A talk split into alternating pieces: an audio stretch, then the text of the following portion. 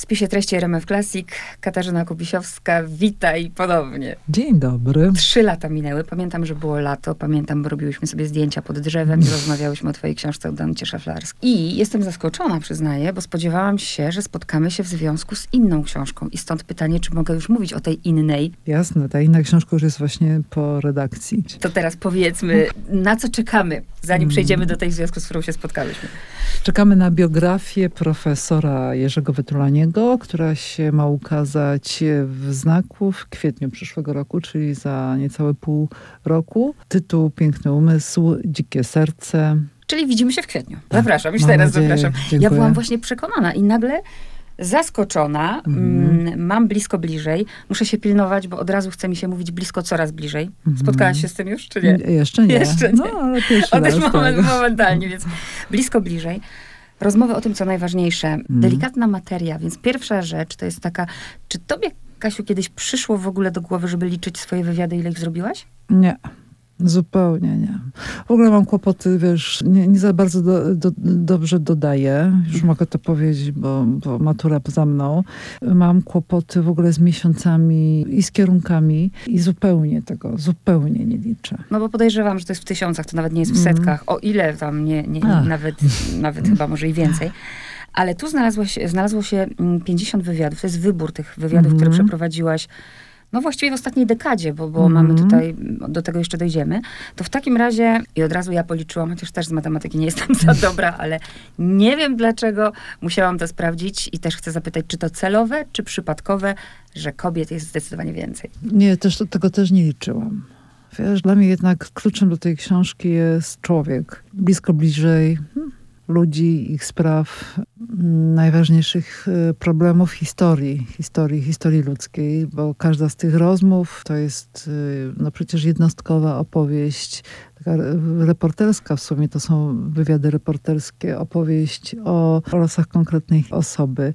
A ten wybór, który mm, no oczywiście jest częścią tego, co ja drukuję na łamach Tygodnika Powszechnego, mojej, mojej macierzystej redakcji. Od wielu, wielu lat już tam publikuję. Jest mi tam bardzo dobrze i czuję się tam spełnionym dziennikarzem. Jestem otoczona bardzo dobrym, twórczym, inspirującym e, środowiskiem. To podkreślam, to jest bardzo istotne w dzisiejszych czasach dla dziennikarza, że, że jest w miejscu, e, w którym chce być i ma możliwość właśnie drukowania takich niespiesznych rozmów. Ten wybór, który tutaj się znalazł, w tej książce prawie 600-stronicowej, wykonała redaktorka książki Dorota Gruszka.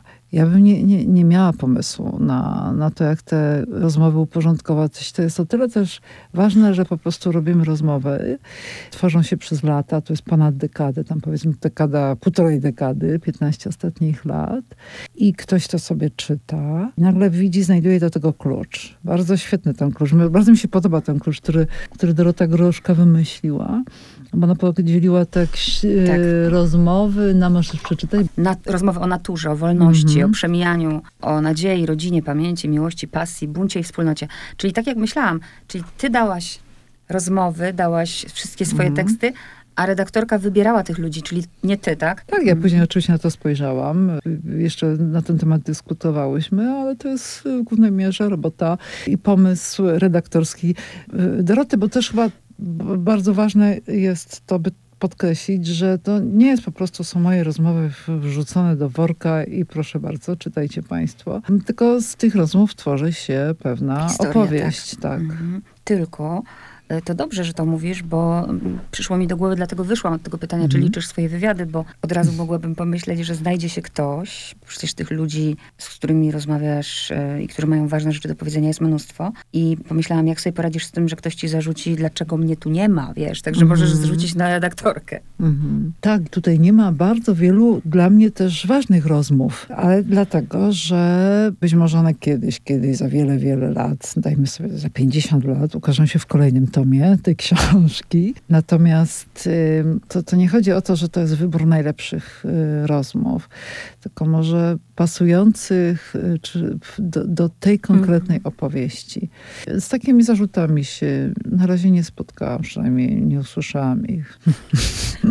No oby, oby tak było. Zastanawiałam się też właśnie o czym rozmawiać, bo przechodzę od ogółu do szczegółu i też mhm. trochę o tej kuchni, o tej pracy. Mhm. E, bo myślę o tym jako dziennikarka radiowa, chociaż też prowadzisz podcast, ale tu jest jednak inna sprawa. To jest właśnie takie niespieszne. Ta książka, drodzy słuchacze, to nie jest książka, którą sobie po prostu czytacie od A do Z. Ona stoi blisko, blisko, żeby po prostu po nią sięgnąć. W każdym momencie ją sobie otworzyć, w różnym mhm.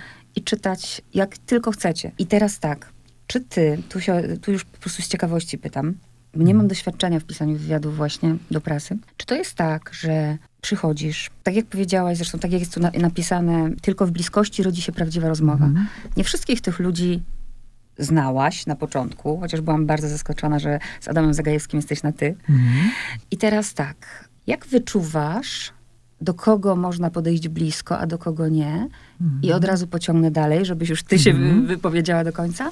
Czy jak tworzysz ten tekst, jak przychodzisz, czy włączasz dyktafon, czy robisz notatki, czy zapamiętujesz i czy to, co widzimy tutaj, mhm. jest tym, co się zadziało podczas spotkania, czy zupełnie zmieniasz kolejność i budujesz to jak opowieść, jak książkę? Mhm. Wiem, że za, za, długie pytanie, ale Nie, też. bardzo, ale... bardzo, bardzo, bardzo tak treściwe pytanie, bardzo koloryczne pytanie i postaram się na nie odpowiedzieć, zaczynając od tego, że ja jadę do kogoś na rozmowę, na przykład Adama Zagajewskiego, świętej pamięci, który mieszkał całkiem niedaleko ode mnie, przy ulicy Pawlikowskiego w Krakowie, no to szłam sobie na piechotę. Ale wcześniej wiele, wiele godzin, dni właściwie spędziłam nad przygotowaniem się do tej rozmowy. Akurat z Adamem Zagajewskim zrobiłam bardzo dużo rozmów od lat 90.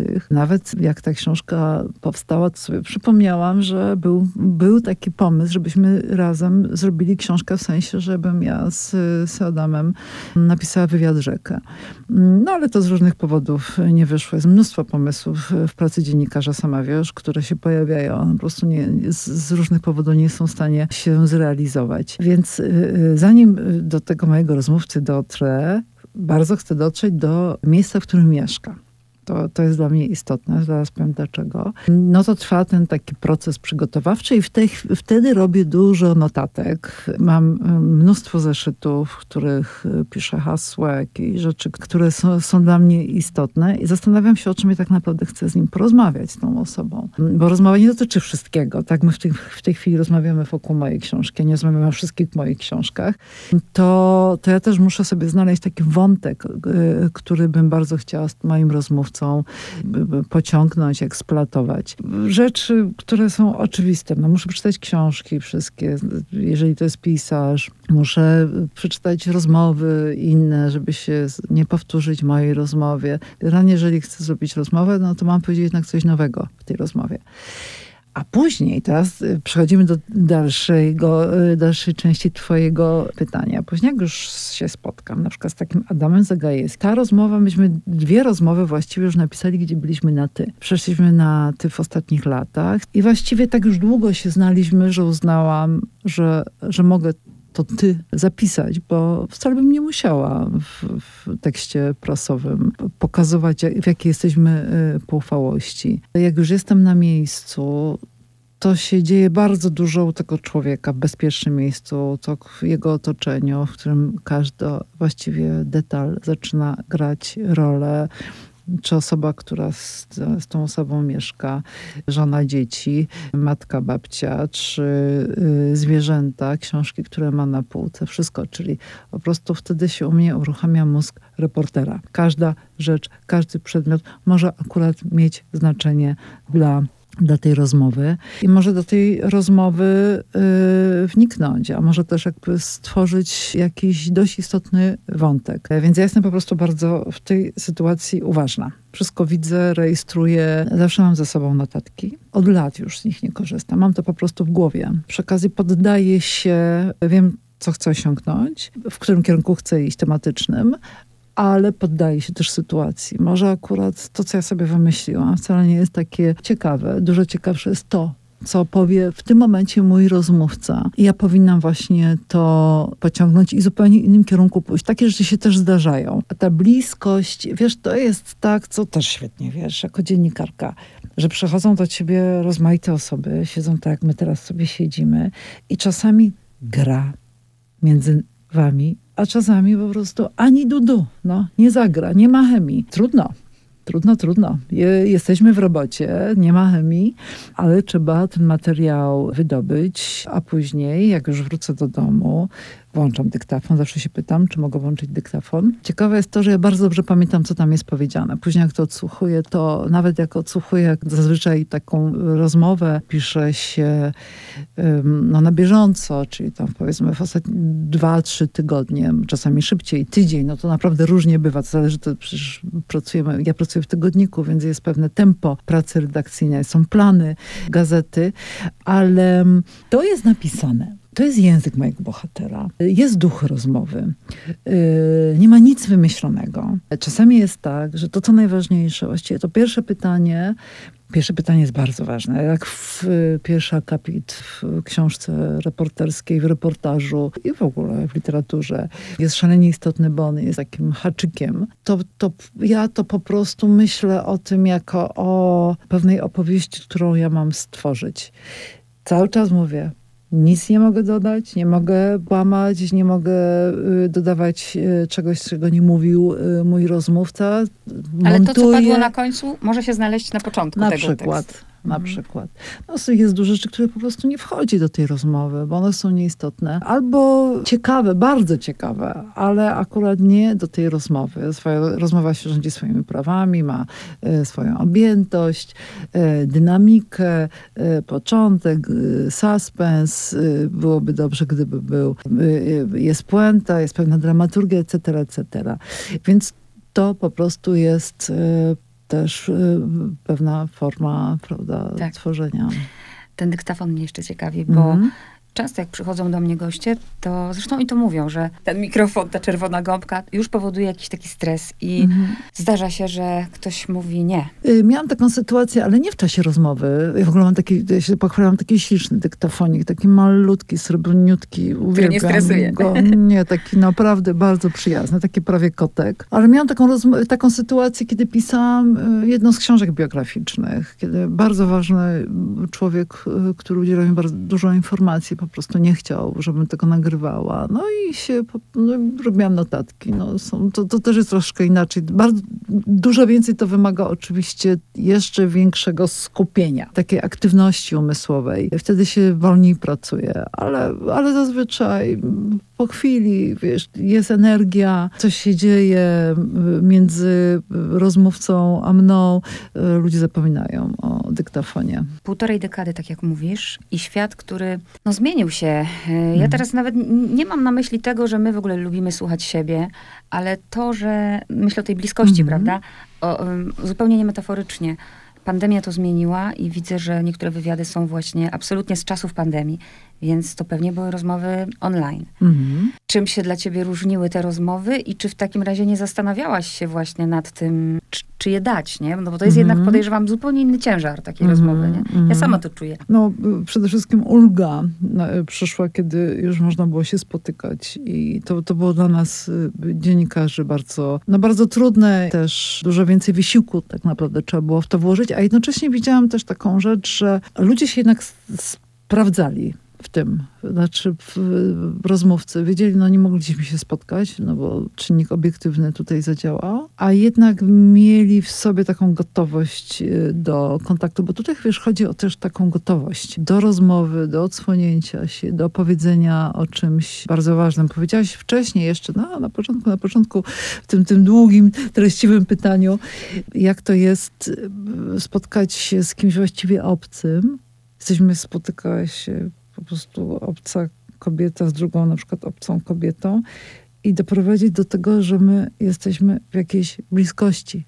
Prawda? Ta osoba, ja bym bardzo chciała, żeby ta osoba powiedziała mi bardzo ważne rzeczy e, ze swojego życia i, i twórczego, i nie tylko twórczego. To tak już jakoś tam zaznaczyłam, że trochę to jest loteria, tutaj ten czynnik ludzki, prawda, e, działa, ale też widzę i jestem coraz starsza, czy tam już potrafię to zdefiniować, że jednak przygotowanie, warsztat, taki po prostu dziennikarski, uważność, w takim sensie uważność, że jest uważne wsłuchanie się w to, co mówi mój rozmówca, nie to, co ja sobie wymyśliłam, tylko każde słowo naprawdę jest na wagę złota dla mnie. I taka, no mam to, nie mam innego słowa, więc to, to szczerość, szczerość w kontakcie. To jest coś, co powoduje, że może stworzyć się właśnie ta bliskość. I to, jest, to są naprawdę niesamowite momenty, kiedy czujesz, że jesteś z kimś blisko, a jeszcze przed chwilą byliście zupełnie sobie obcymi ludźmi i później trzeba zapisać, umieć zapisać to, żeby tę bliskość poczuł też e, czytelnik, a przy okazji, żeby on też e, poczuł,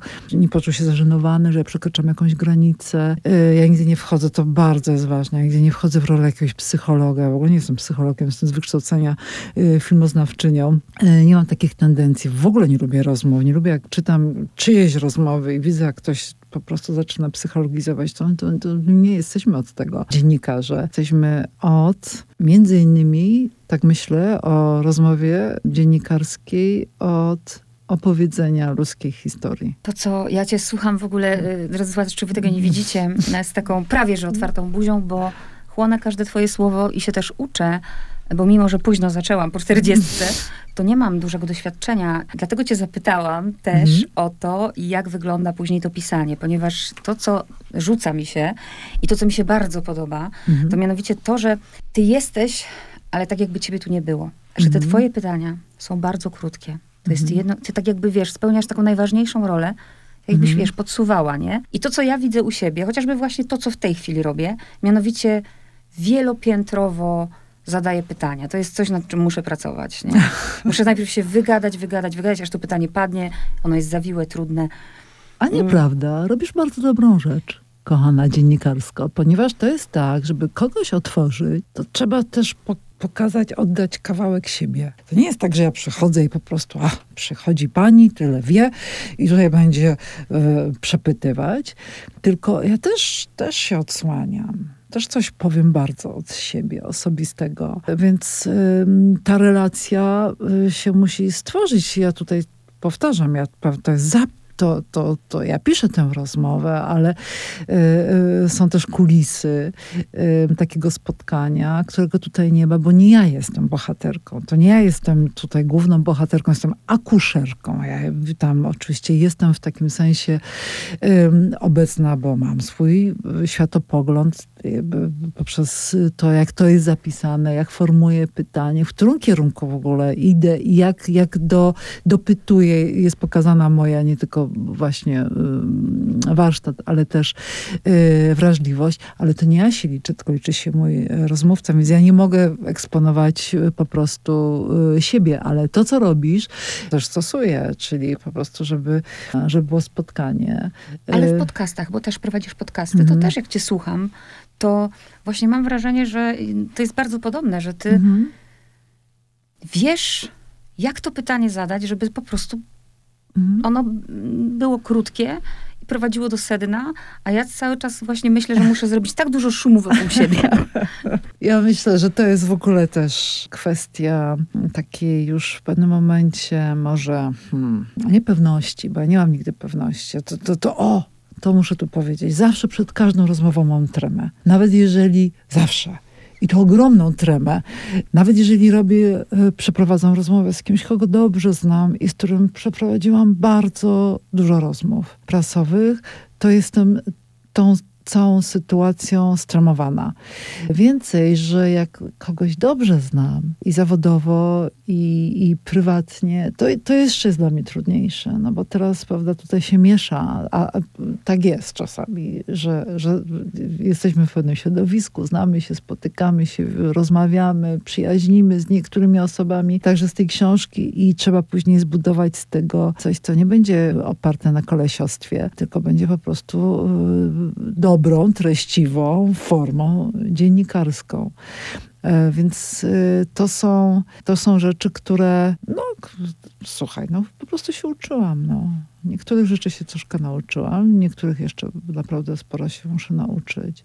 Kolejna kwestia, autoryzacja. Mhm. Jak bardzo wraca do ciebie tekst y, i jak często się to zdarza, że mm, no, nie jesteś zadowolona, bo nagle się okazuje, że miałaś plan i pomysł, zbudowałaś to tak, jak chciałaś, a wraca coś do ciebie nie tak. Mhm. Y, tutaj w tej książce nie ma takich tekstów. To są te teksty, które absolutnie w pełni zaakceptowałam. W twojej dziennikarskiej, e, tu jeszcze Państwu trzeba powiedzieć, że właśnie w Polsce jest takie prawo e, prasowe, że obowiązkowa jest autoryzacja, w innych krajach niekoniecznie, nie w każdym. To jest w ogóle bardzo ciekawy, psychologiczny dla mnie e, moment, ponieważ z kimś rozmawiasz, ta osoba ci to mówi, masz to nagrane, masz dowody, prawda? A później to samo mówi, ale dlaczego pani tak, tak napisała? A, a, a dlaczego?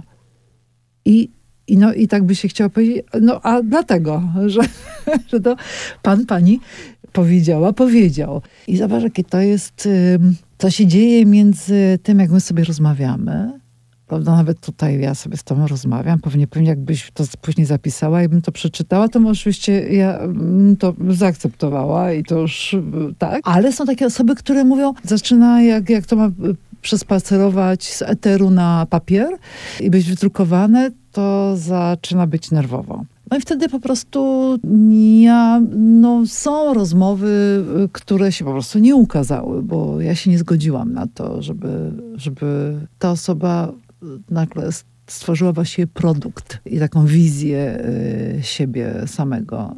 Ale jest ich niewiele. Wolałabym nie mówić mm, nie, nie. nazwiskami. Właśnie nie pytam o nazwiska. Ale nazwiska. jest naprawdę, jest ich niewiele. Trudno, to muszę powiedzieć, że trudną grupą zawodową są aktorzy. Oni bardzo dbają o swój wizerunek, właściwie tak obsesyjnie i trzęsą się nad każdym słowem i je analizują. A na przykład wspaniale się autoryzuje rozmowy z pisarzami, którzy wiedzą, że to jest w ogóle pewna forma pisarska, e, że to jest e, autorem, jestem no ja, to jest moja pewna wizja i to bardzo szanują. Więc autoryzacja jest takim momentem. Też sobie myślę, że trochę też pokazuje autoryzacja, to ma do siebie jakiś stosunek, ile dystansu ten, ten z moich rozmówców. Tylko właśnie to też mnie interesuje z tego powodu, jak myślę o tej autoryzacji i o tym blisko, bliżej, o tym, co ja dostaję. Mhm. Muszę ci zaufać, oczywiście. Mogę mieć swoją wiedzę, tak jak ten aktor ma, ma swoją, pisarz swoją. Mhm ktoś, kto po prostu weźmie tę książkę do ręki i przeczyta. I często jest tak, że chcemy wierzyć, że, że właśnie to jest ta prawda, rozumiesz, nie? Mm-hmm. No, słuchaj, to jest, ja sobie tutaj nie daję prawa do mówienia o prawdzie. Ja w ogóle bardzo rzadko używam tego słowa. Bardzo rzadko. W reporterce jest tak, że jeżeli opisujemy jakieś zdarzenie, to jest dobrze z dwóch źródeł mieć potwierdzenie dla tego faktu. I tego się trzymam, jak piszę swoje książki reporterskie, to, to bardzo, bardzo tego pilnuję. W rozmowie takiej, jak ja prowadzę, nie z politykami, bo to jest ważne. Jak ja bym tutaj z politykami, od razu mówię, nigdy w życiu bym nie rozmawiała. Nie, nie wyobrażam sobie rozmowy z politykiem, chyba że już stanie spoczynku i nie o polityce. Miałby jakąś pasję, coś ciekawego przeżył, coś rzeczywiście by miał do powiedzenia, co byłoby ponadpolityczne, ponadideologiczne, niedzielące. Niedzielące, bo uważam, że polityka dzieli. A moje rozmowy, to, to jest ważne, ja nie chcę, żeby one dzieliły. Tutaj muszę po prostu w mój research, moja dokumentacja, y, moja praca przed wykonaniem e, pracy, moje sprawdzenie, nawet zadzwonienie do jakichś osób z, z otoczenia tej osoby, musi mi wystarczyć. I później po prostu mam tylko dopytywać, dopytywać, dopytywać.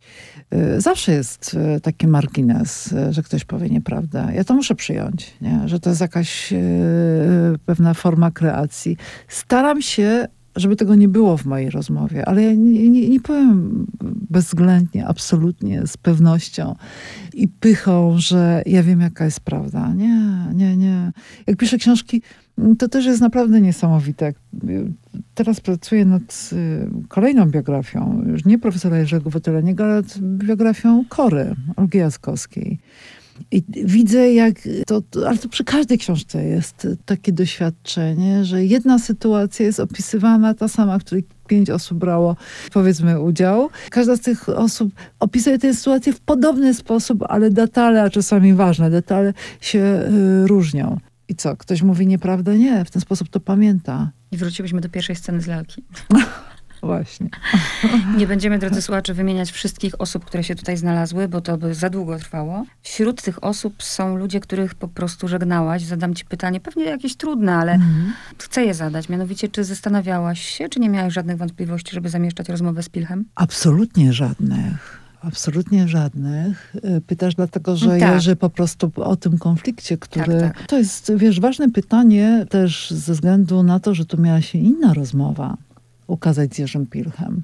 Y, Taka rozmowa, która nosi tytuł Czas miłości, czas obłapiania. Nie, nie pamiętam, powiem szczerze teraz tego tytułu. Taka z, z 2000 chyba 15 roku, jedna z ostatnich naszych rozmów. I ona była taka, moim, uznałam ją za najlepszą, najpełniejszą, bo była i o pisaniu, i o, o życiu, o miłości, o chorobie. Bardzo po prostu cenię, ceniłam tę rozmowę. Ta rozmowa też y, Jerzy nie autoryzował.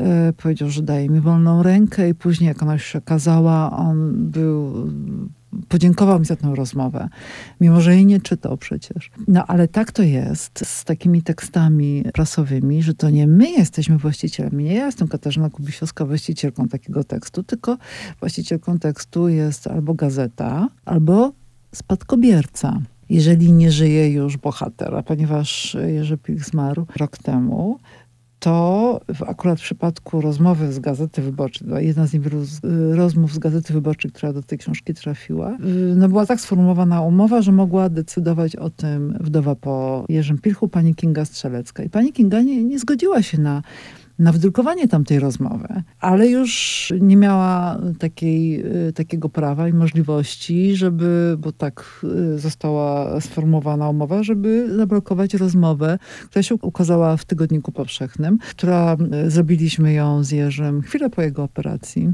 Nie operacji właściwie, tylko zabiegu głębokiej stymulacji mózgu. Dla tych Państwa, którzy nie wiedzą, Jerzy Pilch był chory na Parkinsona i ten zabieg miał spowodować, że miał lepiej funkcjonować.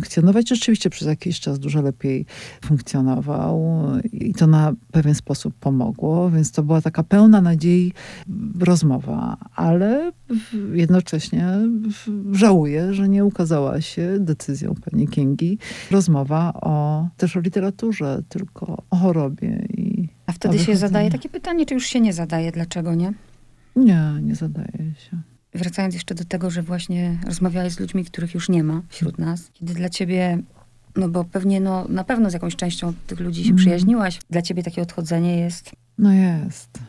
Jest. Jest i Jerzy Pilch nie żyje. Niedawno też zmarł Adam Zagajewski, tak. Też nie mogę powiedzieć, że się z Adamem Zagajewskim przyjaźniłam. Myśmy się lubili i, i ceniliśmy się i było zawsze dobrze się spotkać. Dużo rozmawialiśmy o kotach. Kotach bardzo Dońka dużo. słynna. Tak, a ja opowiadałam o swoich kotach. I rozmawialiśmy też sporo na początku, jeszcze jak on przyjechał do Polski, o komputerach, o Macach. On był wielkim fanem Macintosha, ja też jestem. też pracuję od lat. Więc to były, ale widzisz, że opowiadam ci o takich rzeczach, które, o takich rzeczach rozmawialiśmy. Jak się spotykaliśmy na ulicy, też bardzo był, jak pamiętam, moje mm, dzieci były mniejsze i spotykał mnie z właśnie statkiem i Hanką na ulicy, jak byliśmy na spacerze, to to, co mnie uderzało, to to, że Adam kapitalnie, fantastycznie, bardzo naturalnie i niewymuszony sposób rozmawiał z dziećmi. To jest dla mnie wielki test, bo czasami dorośli tak usztywniają i tak, no a co tam w szkole, tatku, nie? A tam, Haneczko, a jak się nazywa twoja ulubiona koleżanka? A Adam zupełnie o tym nie rozmawiał i był w tym bardzo naturalny i prawdziwy. Moje dzieci z nim też y, chętnie rozmawiały, więc więc taki Adam bardzo, bardzo jest mi smutno. I tęsknię za Adamem.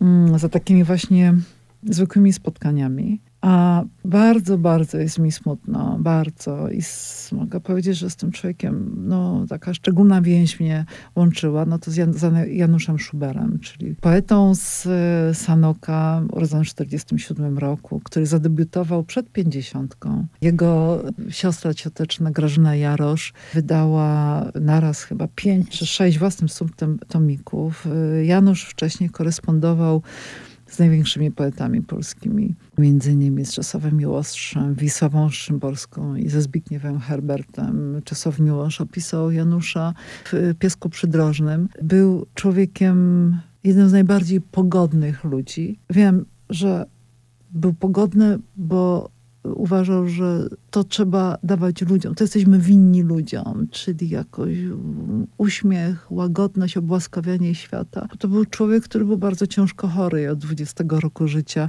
Mierzył się z okropną chorobą, czyli z gośćcem, ostrą postacią gośćca. W każdym razie od wielu, wielu lat był na wózku inwalidzkim. Mieszkał w Sanoku, na Podkarpaciu. Zjeżdżała do niego cała Polska.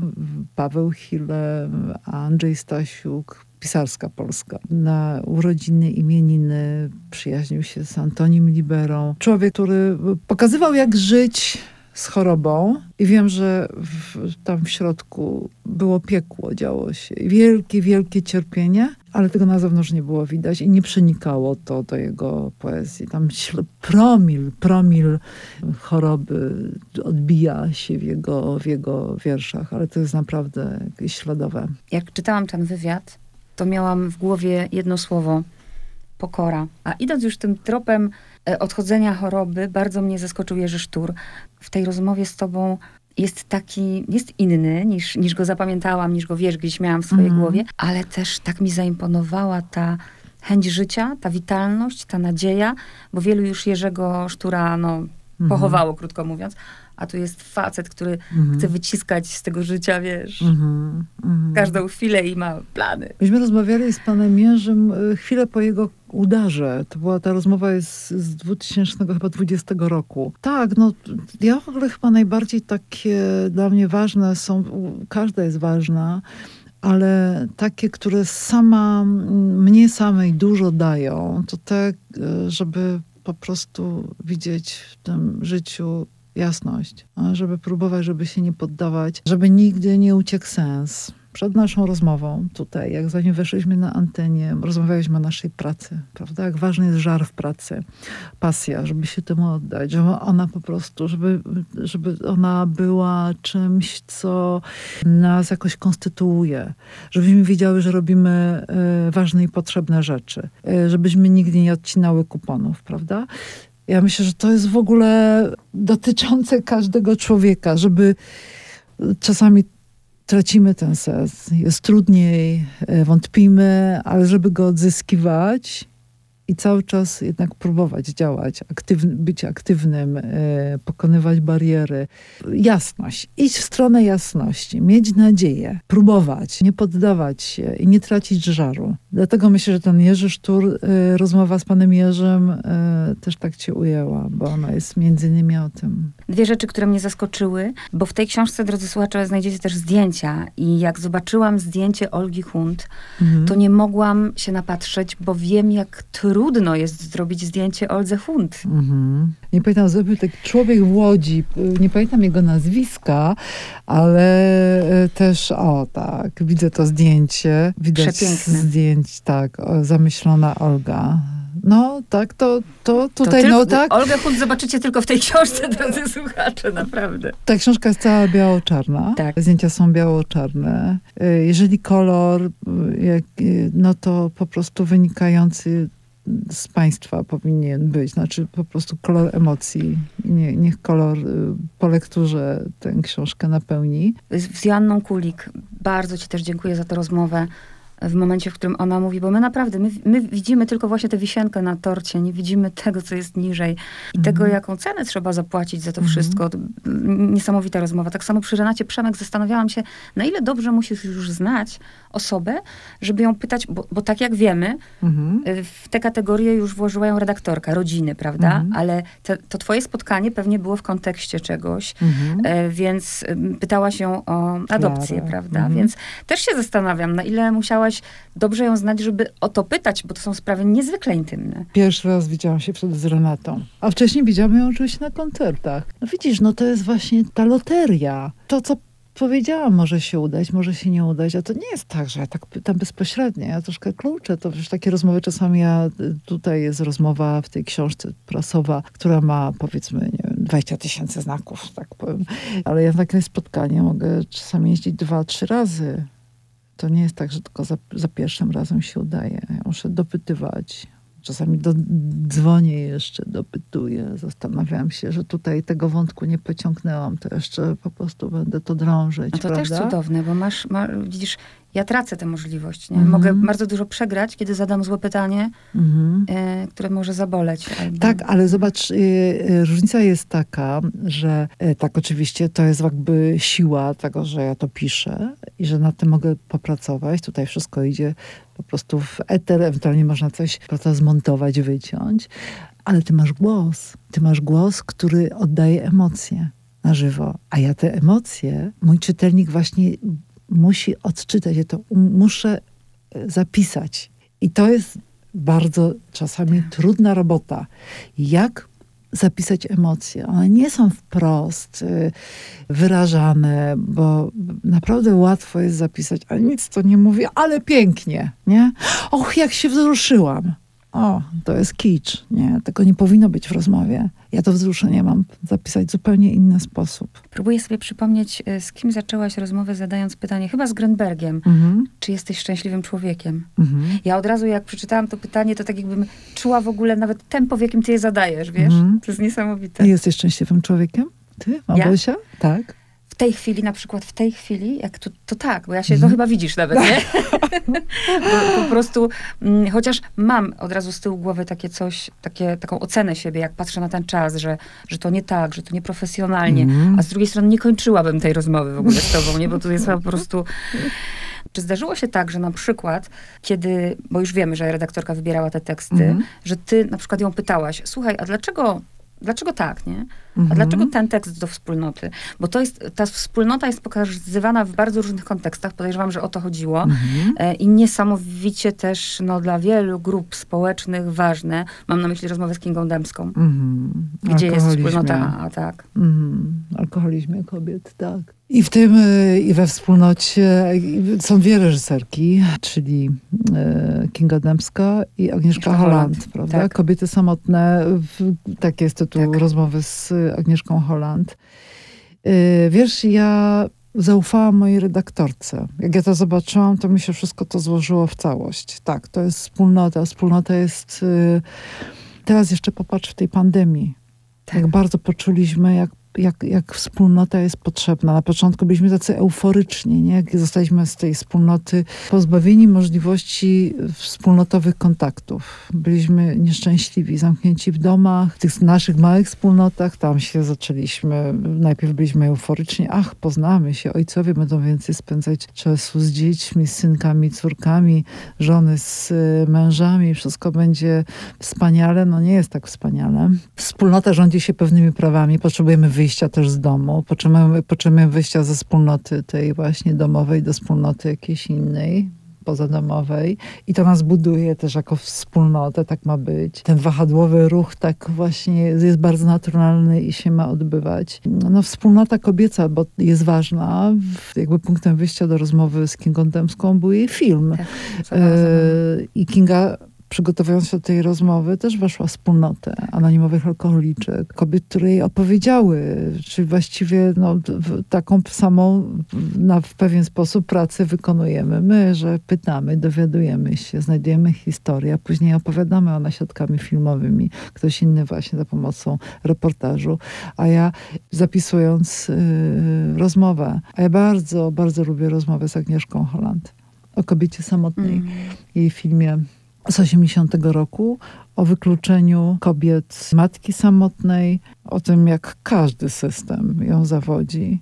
Rzecz się dzieje w karnawale Solidarności i Solidarność zapomina o tej kobiecie wtedy i zapomina też y, partia i partner ją zawodzi i wszyscy ją zawodzą i sobie wtedy jak toczyły się strajki kobiet, bardzo ważne, bardzo mi bliskie, bardzo tutaj jestem e, blisko tej sprawy, właśnie blisko, bliżej, to pomyślałam sobie, że, że czasami i te strajki kobiet zapominają o tych kobietach samotnych, które są wykluczone, które są bez pomocy, bez pieniędzy, bez e, ochrony państwa, bez e, świadczeń socjalnych i że tak naprawdę tak dużo się nie zmieniło, jeżeli chodzi o los samotnej kobiety, a film Agnieszki Holland był realizowany w 80 roku, a ta rozmowa chyba się odbyła w 2021, tak, tak mi się wydaje, tak, czyli tak, to jest tak, świeża to jest rozmowa. rozmowa. Więc y, bardzo, bardzo, bardzo lubię i cenię tę rozmowę. Obiecuję, że zmierzam do końca. Czy to jest przypadek, czy ja tylko po prostu mm -hmm. tak chcę to widzieć, że zaczyna się cała historia tych rozmów Olgi Tokarczuk, naszej noblistki, mm -hmm a kończy na Adamie Zagajewskim 360 dni bez Nobla. To zupełny przypadek? No, wiesz co, ja nawet na to nie zwróciłam uwagi.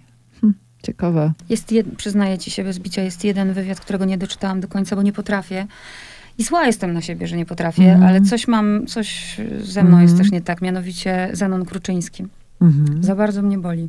Mhm. Nie wiem, jestem, też jestem kociarą, mam trzy koty nie potrafię sobie z pewnymi rzeczami poradzić, więc to mnie tak bolało i też zastanawiałam się, jak, jak tobie się tego słuchało. Zenon Kluczyński, eks-myśliwy, w tym momencie człowiek, który bardzo dużo robi dla dobrego dla zwierząt, dla natury, dla ekologii. Wspaniały człowiek, autor m.in. książki Farba znaczy krew, a także książki Samoczek y, antymyśliwski.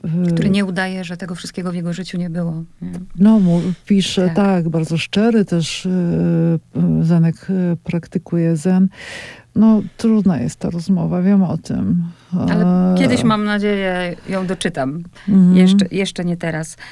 I ostatnie pytanie. To jest, tak jak mówię, książka na całe życie. Do tego swojego plecaka czy torebki z tych rozmów na życie, co sobie zabierasz? Wiesz, odpowiedziałam ci na to pytanie już. E, jasność, jasność, światło. Nadzieję. E, tak, że i że nie, nie, nie wolno dezerterować, nie wolno się poddawać. Jest ciężko, jest czasami strasznie, jest ciemno. Politycy nam mówią to zmieniają poglądy, przechodzą z partii do partii, zawodzą nas. Sami się zawodzimy na sobie, znowu zawodzą nas y, ludzie, ale to się wszystko, to wszystko mija i zmienia się i, i trzeba działać, iść do przodu i robić swoje i się nie poddawać i mieć żar, żar. Katarzyna Kubisiowska w spisie treści. Bardzo Ci dziękuję za czas, e, bo to też jest niesamowite, że się niecierp nie niecierpliwiłaś i nie chciałaś już stąd uciekać, zrobić swoje. A ja mam nadzieję, drodzy Państwo, bo wiadomo, że formuła spisu treści jest taka, że fragmenty zawsze są w programie, ale na podcaście jest całość i mam nadzieję, że jesteście tu z nami. Dzięki. Dziękuję bardzo.